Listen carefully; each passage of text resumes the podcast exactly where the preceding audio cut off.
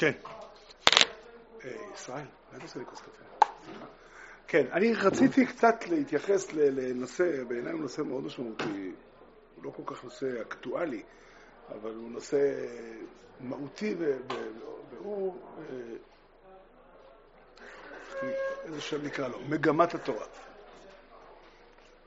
זאת אומרת, ככה אני תופס, שיש שאלות, שיש שאלות הלכתיות בחיים של בן אדם. כל אחד מאיתנו נתקל שאלות בהלכות שבת, בהלכות נטילת ידיים, בהלכות ברכות, בהלכות בשר וחלב, בהלכות, כן, הרבה שאלות. השאלות האלה, יש חלק מהן שאפשר לפתור אותן באופן עקרוני, אולי יש מישהו שלא יודע, אבל באופן עקרוני אפשר לפתור אותן על ידי הסתכלות בספרים. כן. אם אדם שואל מה הדין בכזה וכזה מקרה, התשובה היא צריך למצוא את הספר המתאים וכו' וכו'. יש שאלות שהן לא שאלות הלכתיות במובן הזה של המילה. אין עליהן תשובה שכתובה בשום ספר. הן שאלות שנוגעות להנהגת האדם בחיים, להכרעות שהוא צריך לקבל על עצמו, והן רוב השאלות שלא תמצא עליהן שום תשובה בשום ספר. אף על פי כן הן שאלות תורניות במדרגה ראשונה. כן, שאלות תורניות במדרגה ראשונה. אני יכול להביא דוגמאות, אה, זה נוגע להנהגת היחיד, זה נוגע להנהגת הציבור, אבל אה, כן, הרבה מאוד שאלות אה, ש, ש, שצריכים לקבל בהם הכרעה. בואו נתחיל למשל לדוגמה, אדם שיש לו שאלה כמה להשקיע במשפחה וכמה להשקיע בעניינים אחרים, נגיד בכיבוד אב ואם. זו שאלה שקל להביא מקורות לשני הצדדים, אבל כשאתה רוצה להכריע, אין תשובה בשום ספר. ולא יכולה להיות תשובה בשום ספר. היא תלויה בהבנת המציאות, בהבנת הנסיבות, והרבה פעמים אפשר לשאול, בחלק מהמקרים אתה יכול עוד לשאול מישהו, בחלק מהמקרים אתה גם לא יכול לשאול אף אחד, תודה רבה. כן, לך תעביר את כל החיים שלך, תשים על השולחן של הרב, בוא נניח אפילו שיש לרב 40 דקות לענות לך. לא מדבר על מקרים שהרב יש לו פחות זמן. אה, זה לא, זה לא מציאותי. ואדם צריך לקבל החלטה, וזו שאלה תורנית, כי האמת היא שיש פה שאלה בין שני ערכים תורניים, והשאלה היא איך בוחרים. או לחילופין, אדם שואל את השאלה, עם מי להתחתן. כן, יש הצעה כזאת, יש הצעה כזאת, אה, והרבה מאוד מקרים בחיים אדם צריך להחליט החלטות. שוב, אני דיברתי על החלטות, עכשיו זו, זו החלטה גדולה שהיא קורית אה, בדרך כלל אה, פעמים בודדות בחיים, אבל עוד המון שאלות בחיים, אם מי להיות חבר או לא להיות חבר. כן, איך בכלל היחס לחברות? כמה להשקיע בזה, כמה לא להשקיע בזה. במילים אחרות, כל התחום ההתנהגות של האדם,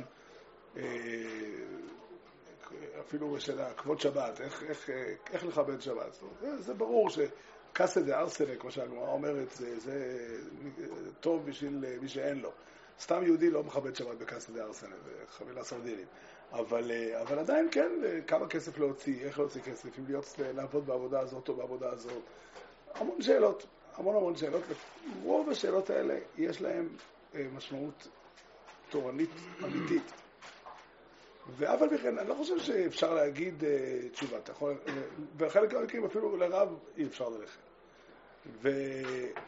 והשאלות האלה צריכים לענות עליהן מכוח תפיסה של מה המגמה של התורה. זאת אומרת, ההנחה היא שהתורה לא מכוונת רק כדי שנקיים את המצוות, והמצוות הן לא אה, רשימת פרטים שצריכים, מעשים שצריכים לעשות אותם, אלא תכלית התורה והמצוות לבנות צורת חיים שלמה, נכונה. הדבר הזה מפורש בתורה באופן ברור כמה וכמה מקומות, הוא גם מפורש בחז"ל וגם מפורש בראשונים, בכל, בכל הספרים זה כתוב. צריך אה, לעיין בזה כדי להבין מדויק איך, איך, איך, איך להשתמש בזה.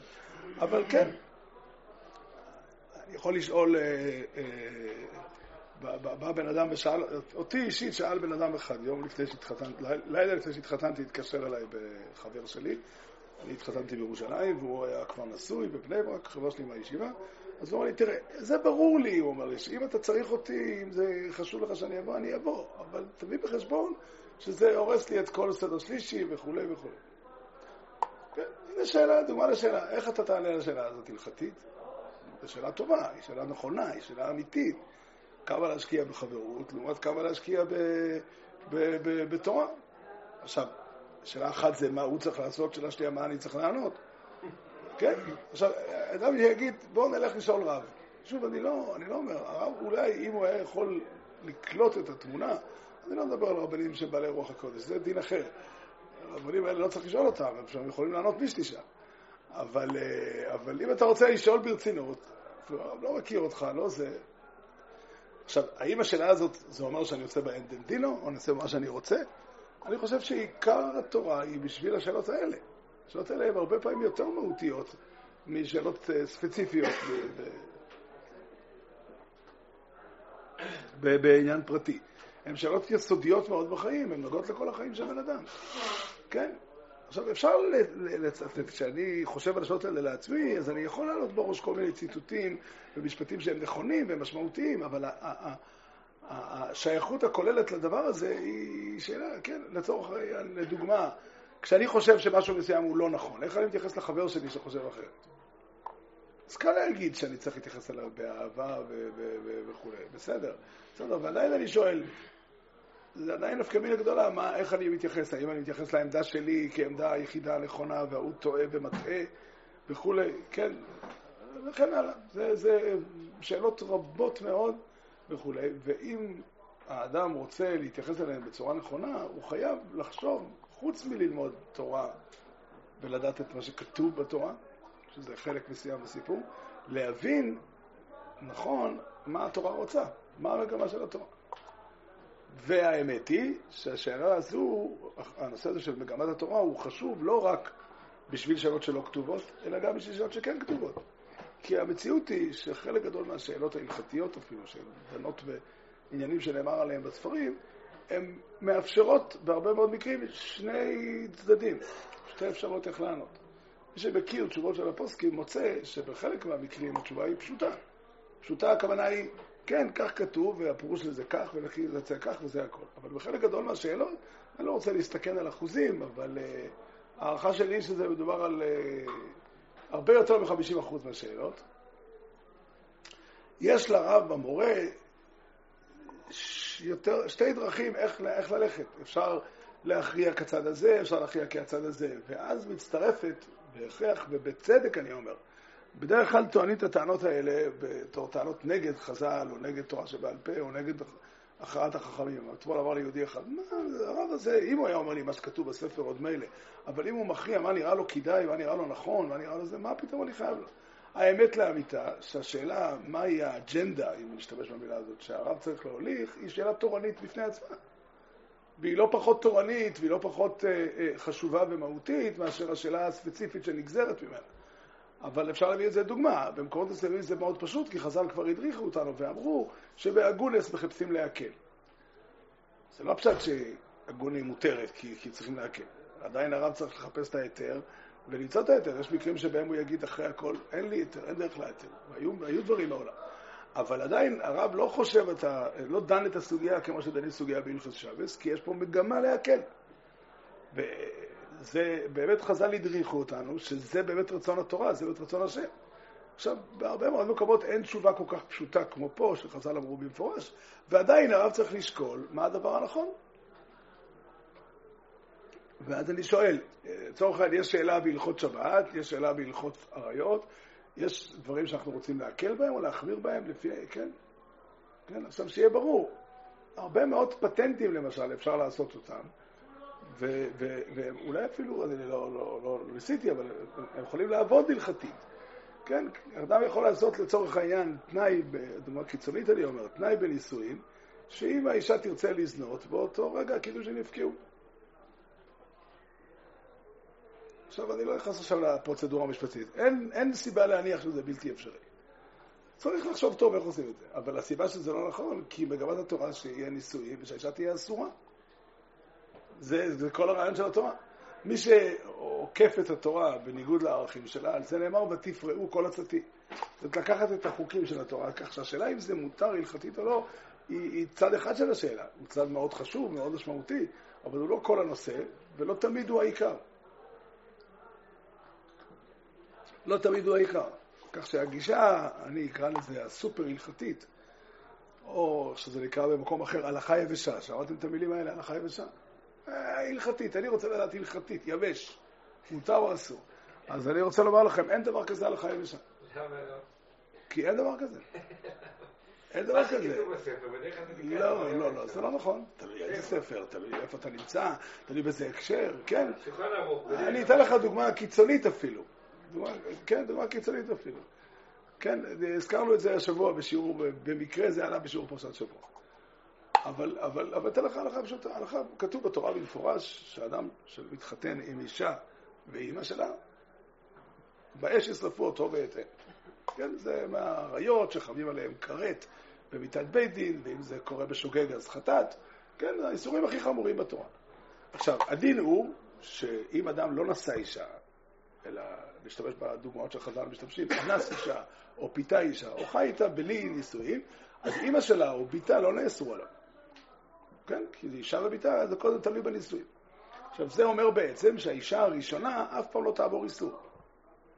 טוב, בואו נצייר את זה באופן אה, מעשי. ראובן מתחתן עם לאה, לא, לא, עם רחל ועם דינה ביתה. סתם ציירתי, השתמשתי בשמות, אה, כן. אז רחל הייתה הראשונה, היא אשתו. דינה לא אשתו לעולם, כי לא קידוש של בחיים וקריסוס, ממילא היא לא אשתו, ממילא רחל אף פעם היא לא עוברת על האיסור של אם, אם, אם, של אה, אם אישה, כן, של חמותו. עכשיו אני אשאל שאלה, רחל מתקשרת לרב ושואלת, בעלי עשה את זה. אני צריכה לפרוש ממנו, אני יכולה להמשיך לחיות כרגיל, מה זה עניין שלי שהוא עובר עבירה? מה אתה אומר? אני אומר, כי לא תשאל את זה. זה לא יכול להיות הפלטפורמה של מישהו לעבור עבירה. לא, לא, היא לא תתקן את העבירה בזה שהיא תתגרש. מה זה? היא לא תתקן את העבירה שלהם בזה שהיא תתגרש. רק אם היא... מה? לא משנה, אני עכשיו מדבר איתך תיאורטית. אני חושב ששורש... תיאורטית היא לא אסורה, וזהו, מה אני לא חושב שזה נכון. מה לא נכון? אני לא חושב שזה נכון. אני חושב שמגמת התורה... מי התכוונה לאיש לשופט עלינו? מה זה לשופט? ככה הוא יגיד לה. אני לא בא להרוג אף אחד, והיא לא אמורה להרוג אף אחד, לא על זה אני מדבר.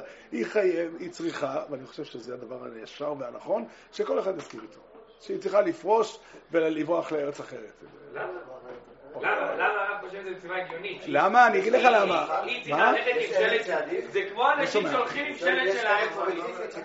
לא, לא, לא, זה בדיוק כמו אותם אנשים שהולכים עם השלטים של האייפונים וצועקים כל היום. מי שיש לו הוא מסכן. אתה עכשיו מערבב שתי נושאים שלא קשורים אחד לעניין. זה בדיוק הדבר. אתה מערבב שתי דברים שלא קשורים אחד לשני בכלל. קודם כל, אייפון, אני לא יודע, צריך ל... אתה רוצה להגיד שזה מותר? הציור הוא ציור פשוט, אתה רוצה תשובה יותר טובה? ההלכה אומרת שאצל גויים, משפחת אב לא קרויה משפחה. זה מחלוקת המורה, ככה נפסק להלכה. זאת אומרת שגוי שמתחתן עם הבת שלו לא עובר איסור. אז אני אצייר לך, יום יבוא, שיבוא משיח ולבוא לכל העולם וללמד אותם שבע מצוות ונח, אנחנו נגיד להם, זה שעשיתם ככה זה היה אסור, זה ש... אבל זה שהחמרתם באב לשאת את ביתו, סתם טיפשות. חבל על, חבל על המאמץ. או שפשוט לגמרי שהתורה אין את זה. אף על פי שזה לא אסור. זאת אומרת, במילים אחרות עכשיו אני אוכיח לך את זה, שאין יהודי אחד בעולם שחושב כמו שאתה מציג. זה לא משבע מצוות לא, לא. לא היא צריכה להיות אלוקים עכשיו? לא יודע איפה, אתה שואל, הכל יקרה, ההנחה היא פשוטה. ההנחה היא פשוטה בעניין הזה, ואני אספר לך סיפור, אני אספר לך סיפור. לא? התשובה לזה היא שזה לא נכון שהיא לא צריכה להיות. זה לא נכון שהיא לא צריכה להיות. תשאל, כמו שתשאל... זה שבעלה צריך... כמו שתשאל... תעשה עליו תהילים, למה היא צריכה ללכת? אז אני אומר לך עוד פעם, כי הדבר שהתורה אסרה אותו, היא לא אסרה רק את זה. באופן פורמלי, מעשי, אתה יודע, זה, זה כמו שאתה יודע, אתה יכול לעשות... תאר לעצמך שבן אדם אה, אה, יסדר לעצמו איזושהי דרך שלא תהיה לו שבת. כן, יש אפשרות כזאת. כן, ברור. לנסוע לחללית, לעלות לחללית, להיות שם קבוע. כן, אני כנראה אין שבת שם. עכשיו אני אשאל אותך שאלה, זה נכון או לא נכון? התשובה מי שאומר את זה, זה התרומוס הדשן אומר. התרומוס הדשן אומר שציצית, אף על פי שהתורה לא חייבה ללבוש ציצית רק למי שיש לו בגד של דלת כנפס, אבל כיוון שרצון התורה שיהיה ציצית לכולם, לכן צריך ללבוש את המזכות. מאיפה הוא בא אליי? מה פירוש? התורה לא חייבה ללבוש... מה? למה אין שבת בחלל? כי אין יומים, אין יום בחלל. אלא אם כן תגיד שהשבת קורית שם כל שעה. אבל יום זה לא, כאילו הזמן הוא לא... מתי איך לא יום מתחלף? היום מתחלף בהלכה לפי תנועת יש השמש. לנו זריחה ושקיעה, אבל יש לנו זמן? אבל מתי התחיל היום? היום לא תלוי בשעות. נסתדר עם זה כבר, אבל יש זמן. לא. יש יש זמן. כן, אבל אין יום ולילה. אבל עוברים שם שבועות, איך ייתכן שיש שבועיים שלוש? לא עוברים שבועיים שלוש. מבחינת השעון עוברים שבועיים שלוש. אבל זה יום אחד. תאר לעצמך שהשמש הייתה נוסעת יותר לאט פתאום, ועושה ב-. אולי נגיד שכל הזמן שבת מחנה. זה סתם המצאה. אני אומר דבר פשוט מאוד. אני אומר דבר לא פשוט הזמן. בתכלית, דבר פשוט בתכלית, ואני אספר לך סיפור שמספרים. לפני, לא הייתי בחור בישיבה. הייתי בחור בישיבה, והתהלך. סיפור בבני ברק. לימים שמעתי מהרב סילמן, שזה סיפור שהוא המציא אותו לצורך שיעור. כך שהמעשה כנראה לא היה, אבל אז סיפרו שזה היה. מה? חושב שהסיפור הזה בלי שמות. סיפור שהוא המציא. לא, זה שזה בלי שמות זה לא אומר שזה יכול שזה היה, ואנשים לא סיפרו את השמות. אבל לא משנה, אני אדבר איתך עכשיו, אני סיפרתי את הסיפור הזה להרבה מאוד אנשים, ואני רואה את הדוגמה של כולם. מעשה שהיה בבן אדם, שהיה לו הרבה יין של שביעיס בבית. היה ערב פסח,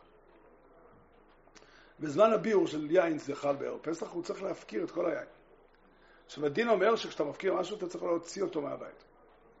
כן? אבל האדם הזה היה צריך בערב פסח להוציא, לא יודע כמה ארגזים של יין, זה המון עבודה. אז מה שהוא עשה זה שהוא הפקיר את הדירה.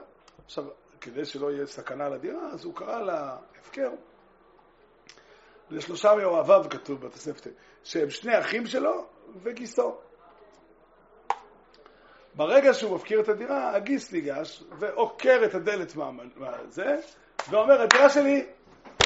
אז הוא אומר, אתה השתגעת? מה, אתה רוצה לסלק אותי בדירה? הוא אומר, לא, חלילה, עד אחרי החג, חופשי אתה גר פה בחינם. מאחרי החג תתחיל לשלם שכירות. יעשה לך מחיר מוזל. מה אתה חושב על הסיפור הזה? אין חוזה. מה? אין חוזה. מה זה אין חוזה? יש עדים. נעל גדר פרה. זה רשום על שמו בטאבו, אין שום חוזה. בין- לא, רשום על שמו בטאבו. רשום על שמו בטאבו זה הליך משפטי. אבל, אבל, אבל, אבל, תורה אני מדבר. על פי הדין, אם הוא ייקח את זה, הוא גנב. אם בעל הדירה המקורי יישאר בדירה, הוא גנב. אני הייתי תופס את הגיס הזה ומעבד לו. לא הבנתי, מה אתה רוצה ממנו? אני לא מבין מאיפה אתה לוקח את הטענה הזאת. מה? אתה רוצה ממנו? זה הפקר או לא הפקר? כן, לקחת דבר שהוא הפקר, אתה אוסר לא עליי? מה זה לא התכוון שהוא יפקר? הרב, זה קצת של כל אוזו, הרב. לא הבנתי מה הכוונה, מאיפה אתה לוקח את האיסור זה הזה? אומדנה, הרב. מה, אתה רוצה ותצחוק מההפקר הזה? הרב לא חושב שזה... לא, זה לא, חושב מה זה שייך לאומדנה? ההפקר, ההפקר, ההפקר הוא לשימוש הקרקע, לא יותר. ההפקר הזה הוא יותר צחוק חמץ. בסדר, אז אתה עכשיו טוען שההפקר הוא לא הפקר. אבל הוא טוען שההפקר הוא כן הפקר. לא. הוא לא יכול לבוא לבייס דין ולטעון שההפקר הוא לא הפקר, בגלל שהוא סמך על זה בשביל נוגע לדיני- לדיני תורה. אני לא, התשובה היא מאוד פשוטה. שאתה בהחלט מבין שיש, שההלכה היא לא כל התורה כולה. ההלכה היא, כלי לבטא רעיונות, לבטא מגמות. יש מגמה לתורה, ומי שעוקר את המגמה של התורה, גם אם הוא לא עובר על שום הלכה, הוא איבד את הכל. על זה נאמר, כתוב ב... ב מה זאת אומרת? מה, נגיד, באים לרב, מה הרב היה מכריע? לא, יכול להיות שאחרי שהוא עשה את זה, הוא זכה, הוא זכה בזה. אבל עדיין אני אגיד לאותו גיס, אתה איש רע, וכל התורה כולה שלך לא שווה כלום. לא. ראשון לא רע. זה צחוק מההפקר. לא, הוא לא עושה צחוק מהפקר. כתוב ככה לא, בתוספתא. לא נכון. כתוב ככה בתוספתא, וזה לגיטימי לחלוטין. לגיטימי לחלוטין. כן, כן.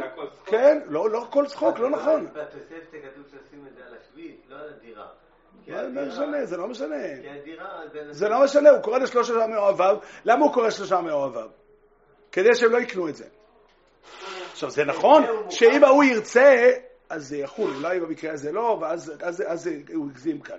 אבל, אבל, אבל אנשים מקנים דברים, הוא מתכוון ברצינות, הוא, הוא לוקח את הסיכון. יש לזה מקור הלכתי. לא, עוד פעם, המקור ההלכתי אומר שמה שהוא עשה אולי נכון לבנות על זה, אבל אין לנו ספק שאותו גיס שלוקח את הדירה הוא, הוא, הוא, הוא אדם רע. נכון, וגם לזה יש מקור הלכתי. מה פירוש מקור? איפה המקור ההלכתי? אם הרב אומר שיש את זה בגמרא, עוד פעם, המקור בכוונה ההלכתי... הוא הביא את הקרובים, כי הוא לא, יודע. שזה לא יהיה רציני. במילים אחרות, איפה אתה אוסר עליו? איפה אתה בא לאסור עליו?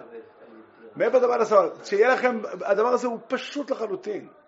הדבר הזה הוא פשוט לחלוטין. עכשיו, יש מקומות שבהם אפשר להתווכח ולדון מה, מה מגמת התורה, אבל המכוון של התורה הוא שהתורה תבנה אצל האדם מציאות של, של צורת חיים מסוימת. אני יכול להשתמש במילים, והמילים האלה צריכות פירוש, אבל יש, מושג, יש מילה שנקראת קדושה. המצווה מויסיפויס קדושו על ישראל. מה הכוונה? שהתכלית של המצוות הן לא מצד עצמם, אלא המצוות באות לבנות עולם שלם של קשר וידידות עם הקודש ברוך הוא, ו- ושל, איך אומר הרמב"ם, שהרמב"ם מגדיר מה זה גרות? גוי שבא בזמן הזה להסתופף תחת כנפי השכינה. המילים להסתופף תחת כנפי השכינה, מה המשמעות שלהם? יש, לתורה, המצוות יש להם מגמה, הם לא מעשים טכניים שצריכים לעשות אותם ובזה נגמר הסיפור. החלק הזה של ההלכה הוא מאוד חשוב, אבל הוא אמצעי ולא מטרה. הוא אמצעי ולא מטרה. ועל זה הפסוק אומר, ותפרעו כל עצתי. כל המצוות כולם, אומר הרמב"ם, הם עצות מרחוק מגדול, מבעל, לתקן כל הדרכים וליישר כל המעשים, הרמב"ם בסוף הלכת תמורה, ובזוהר כתוב שהמצוות הן תרי"ג איתין לקרב את האדם להשם. זאת אומרת, במילים אחרות, יש למצוות מגמה. מה המוסר, תקרא לזה, מה הצדק שהתורה מאמינה בו. אנחנו יכולים עקרונית לעשות הסכם. תחשוב על אדם שמוכר אה, אה, אה, במכולת, והוא כותב, הוא בעל הבית. הוא קובע שכל קונה, כשהוא יוצא מהחנות, צריך להשתחוות אפיים ארצה למוכר. אם לא, המחיין לא חל והוא גזלן. אז כמובן, מי שירצה לא יקנה, מי שירצה כן יקנה, יהיה חייב לעשות את זה, כי החוק הוא חוק. ההסכם מחייב אולי. אבל אני שואל אותך, זה ראוי או לא ראוי? אין תשובה לשאלה הזאת, מה שאתה רוצה. מה, אתה הבעלים, אני יכול לעשות איזה, איזה תנאים שאני רוצה? התשובה היא לא. התשובה היא לא. יש, יש, יש מגמה. לכן חז"ל, בחלק מהמקרים, חז"ל זיהו את המקומות שבהם המגמה לא מתממשת, והם מסרו את זה באיסורים דרמות. יש לזה דוגמה מאוד יפה. ערב תשבו, בסעודה מפסקת, כתוב כל האוכל בשר ושותה יין בסעודה מפסקת, עליו הכתוב אומר ותהי עוונותם על עצמותם. מה הכוונה היא? התשובה היא ככה, אנשים יודעים שצריך לצום בתשעה באב, אבל אין להם עצבים להתאבל וכולי וכולי, אז עושים לפני סעודה גדולה ואחרי סעודה גדולה, וזהו. אומרים חז"ל, אתה עוקף את תשבו. המטרה של תשבו זה שיהיה אבל.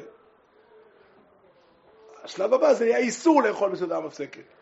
בסדר, אז עכשיו יבוא אדם, וזה כתוב ברמו, אדם עושה סעודה גדולה בערב תשבו, ואוכל שם, לא משנה כרגע, בשר ויין נאסר מצד המנהג. לא, הדוגמה משתמשת בדיוק באותה מידה את הצד השני. שיגידו פה שאמרו שלא מקיים את הרעיון, אז עמדו והרחיבו את, המסגרת הפורמלית. הכניסו גם את זה, עיגנו את זה בחלק מהמקרים זה מעשי, בחלק מהמקרים זה לא מעשי. אז זה מראה לנו שמספיק לשמור את המסגרת הפורמלית. לא. לא, לא, וזו פה הסיבה, פה זו זה הסיבה. לא שיקף את הרעיון, הרחיבו את המסגרת. במקרים מסוימים אתה צודק שהייתה אפשרות כזאת, היה, יש דברים שאתה לא יכול לעשות אותם. יש דברים שאתה לא יכול לעשות אותם, יש מקרים שאתה לא יכול לכבד עליהם, כי כל חוק שאתה קובע הוא שייך לכולם, הוא מתאים לכולם, צריך להתאים את ה... יש דברים שתלויים בסיטואציה. לא, אין דרך בעולם שהקדוש ברוך הוא יפטור את האדם מהחובה להפעיל שיקול דעת. האדם אחראי למעשיו, והוא צריך להפעיל שיקול דעת בכל מצב. הרב, לא הבנתי, מה הבעיה עם המסעודה המפסקת? לא, זה דוגמה לזה שיש מצב שבו בן אדם רוצה לקיים את ההלכה, והוא עוקף אותה. איך הוא עוקף אותה? הוא אוכל אה, סעודת דשנה לפני תשעה באב, כי אין לו עצבים, לא לאבל ולא לזה. אחר כך הוא צם כל היום. זה חייבו אותו. אז, אז אומרים חז"ל, תראה איך שזה ממשיך הלאה. אומר הרמו, אותם אנשים שאוכלים לפני סעודה מפסקת, סעודה גדולה, גם הם, הוא אומר, זה לא, זה לא, זה, זה, זה, אני לא זוכר את המילים שהוא כותב שם. אין לזה טעם. פה כבר לא יכול לאסור ממש. אבל, אה, אבל כי אם בן אדם רעב, הוא אוכל אוכל כדי שהצום לא יזיק לו, אנחנו לא מגלים אותו. אבל, אה, אבל אה, שוב, אתה רואה את המגמה שבסופו של דבר ההלכה היא מסגרת שבאה לבטא רעיון. אדם יגיד לך, מגיע שבת, אין לי עצבים לשבת, אני כל השבוע רגיל לצורך העניין לעשן, שבת קשה לי, אני לא מעשן, אז קשה לי להיות, אני לוקח כדור שנה וישן כל השבת. אז אתה תגיד לו, לא, הוא צריך להתפלל. בסדר, אני אקום בבוקר, אתפלל. לא, שבת יש לה מטרה. זכור את יום השבת לקדשו, צריך לחיות ביום הזה עם השם. עכשיו, האם כל אחד יכול לעשות את זה וכמה ואיך? כל אחד צריך להשתדל.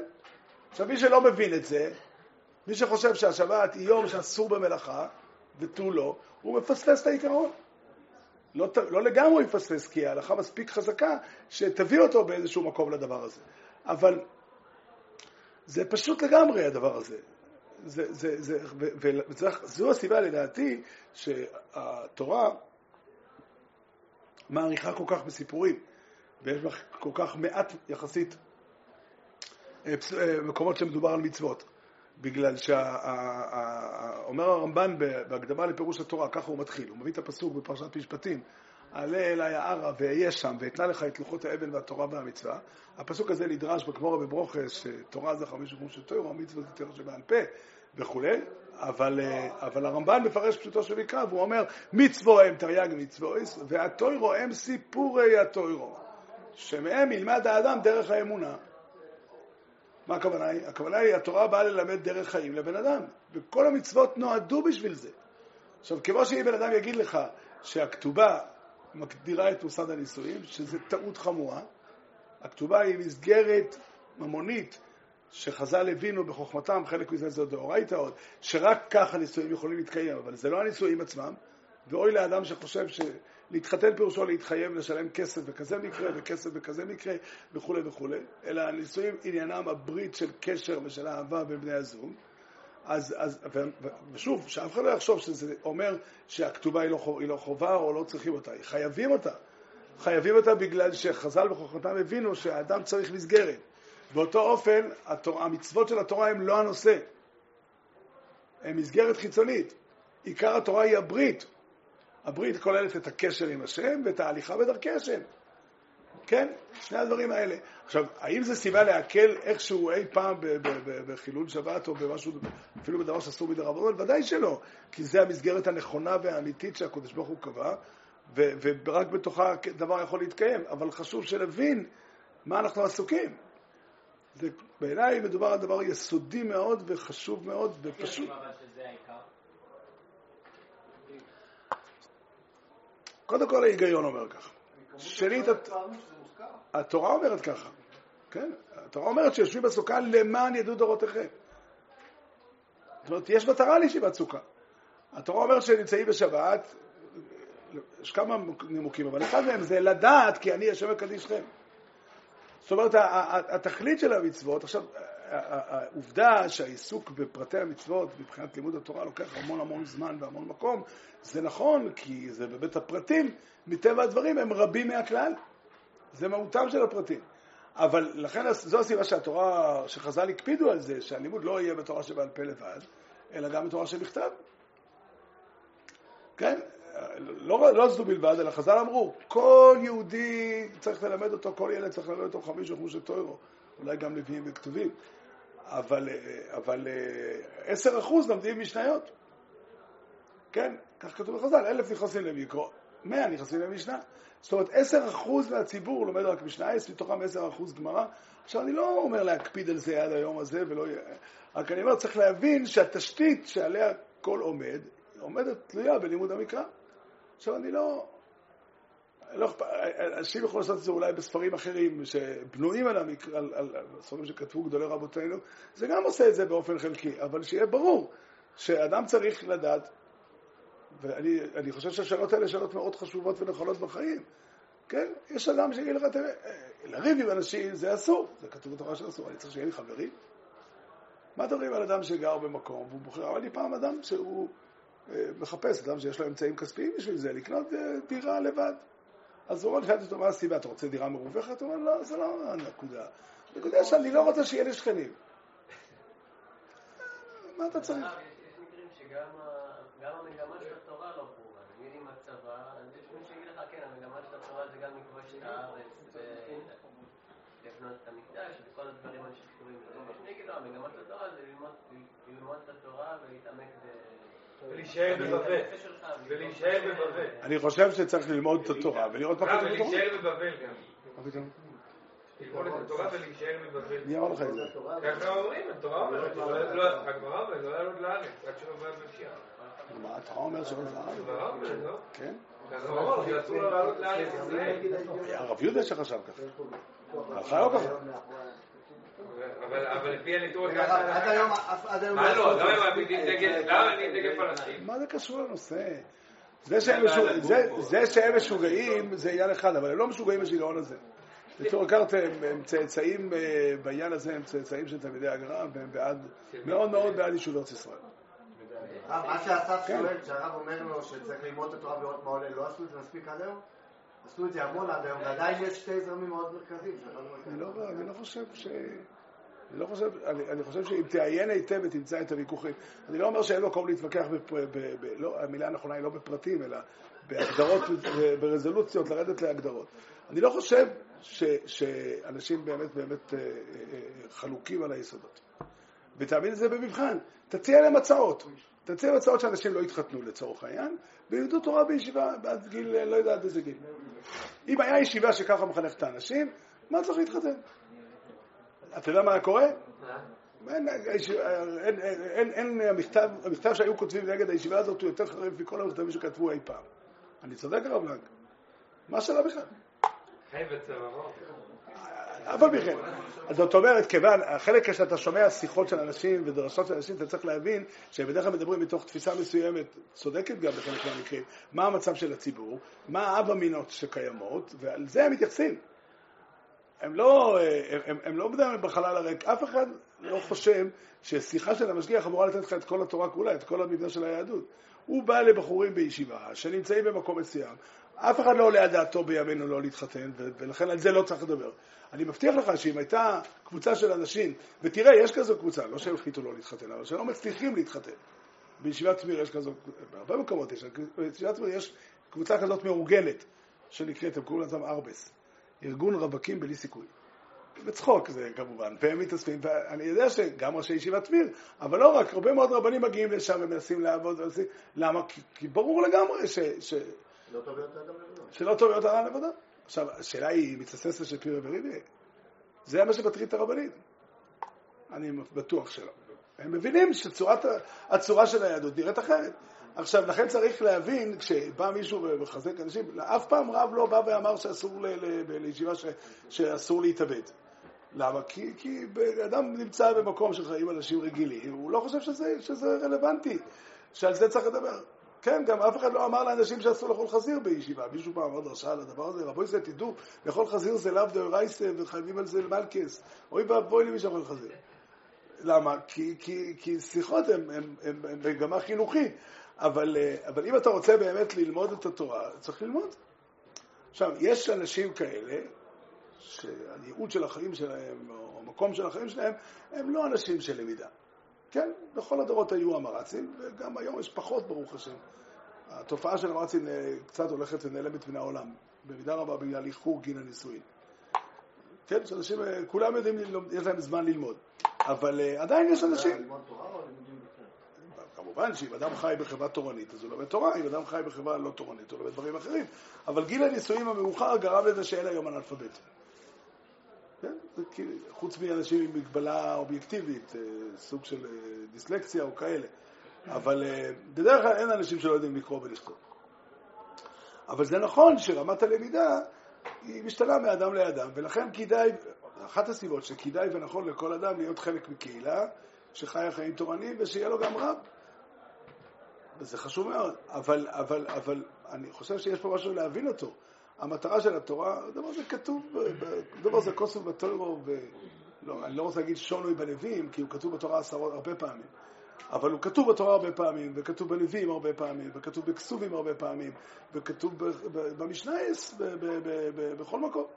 עכשיו, אני חושב שהשאלה היא כמה לייחד לזה דיון מודע. זאת שאלה מעניינת. אני חושב שכדאי מאוד שכן.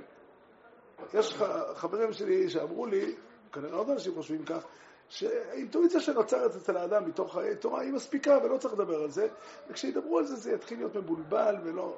אני חושב שכמו כל מקצוע בתורה, ככל שידברו עליו יותר ויכתבו עליו יותר וילמדו אותו יותר, יהיה יותר ברור ויותר רציני.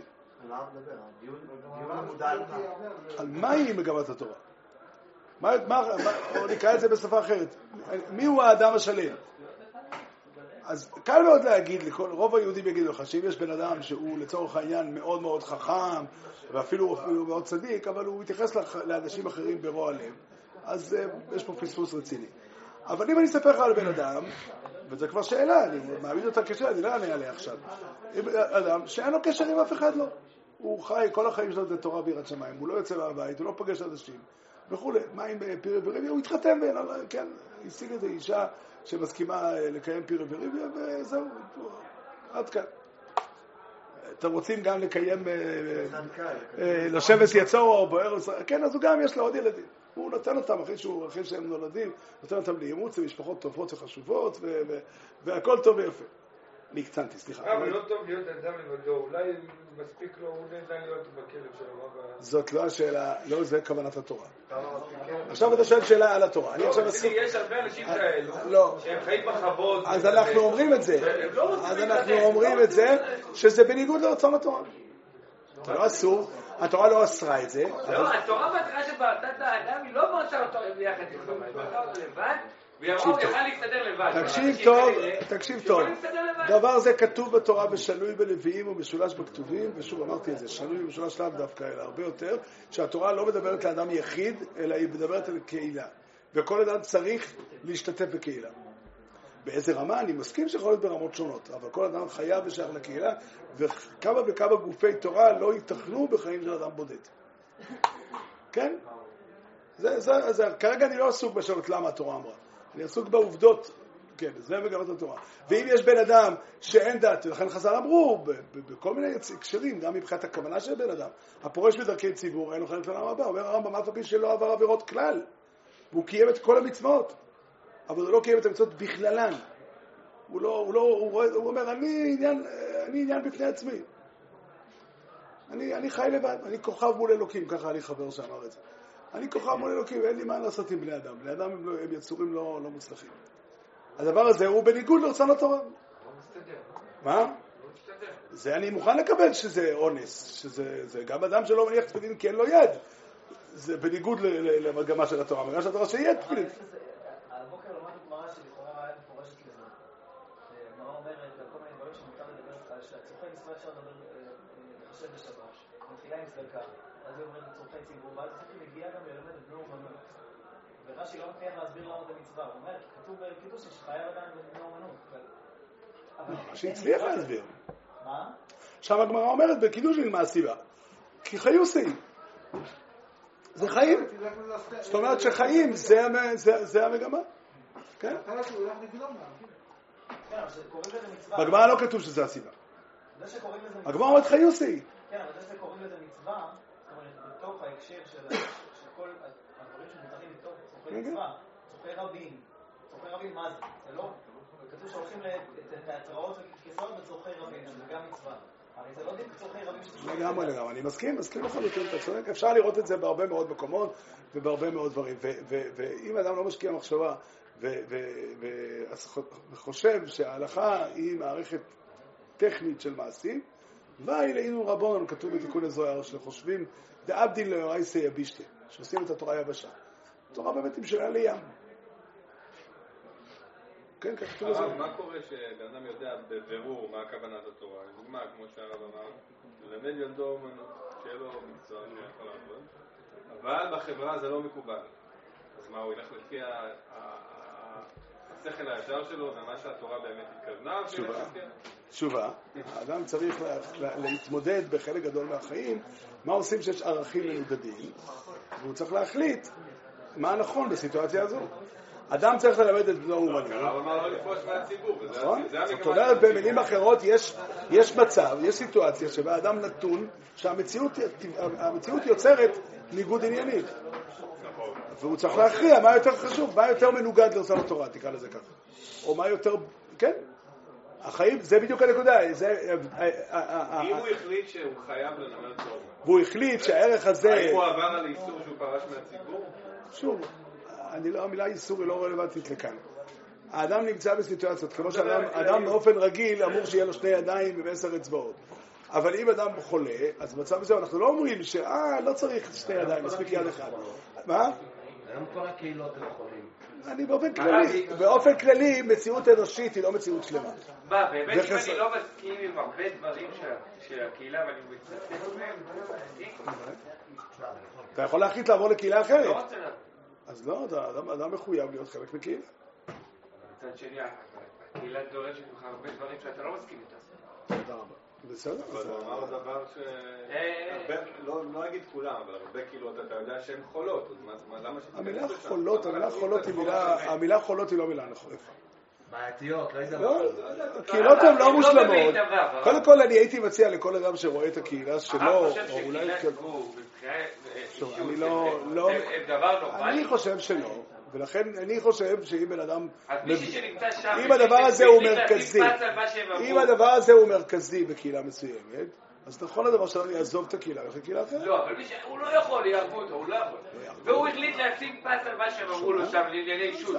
הוא- נקרא שאין לו חיי חלק לחייל הרמב"ן? לא, לא. לא, זה לא, אני לא חושב שהמשל דומה לנמשל. הוא- אני לא חושב. קודם כל, הקהילה האמיתית שלנו היא הקהילה של כל- כלל היהדות הנאמנה להשם. אה, זה לא דבר ראשון. אבל. אה, לא, לא, לא.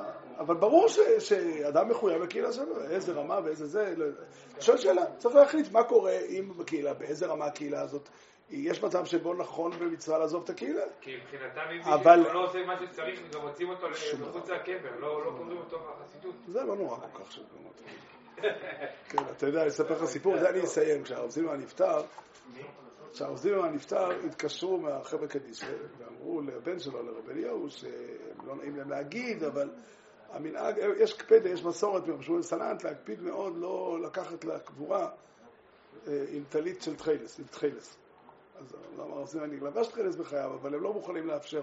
מי לא מוכן? חבר'ה קדישא, זה המנהג שלהם. אז רבי אליהו אמר להם אה, עכשיו תיקחו בלי ציצית גם, פטרו אל המצוות. כל טוב.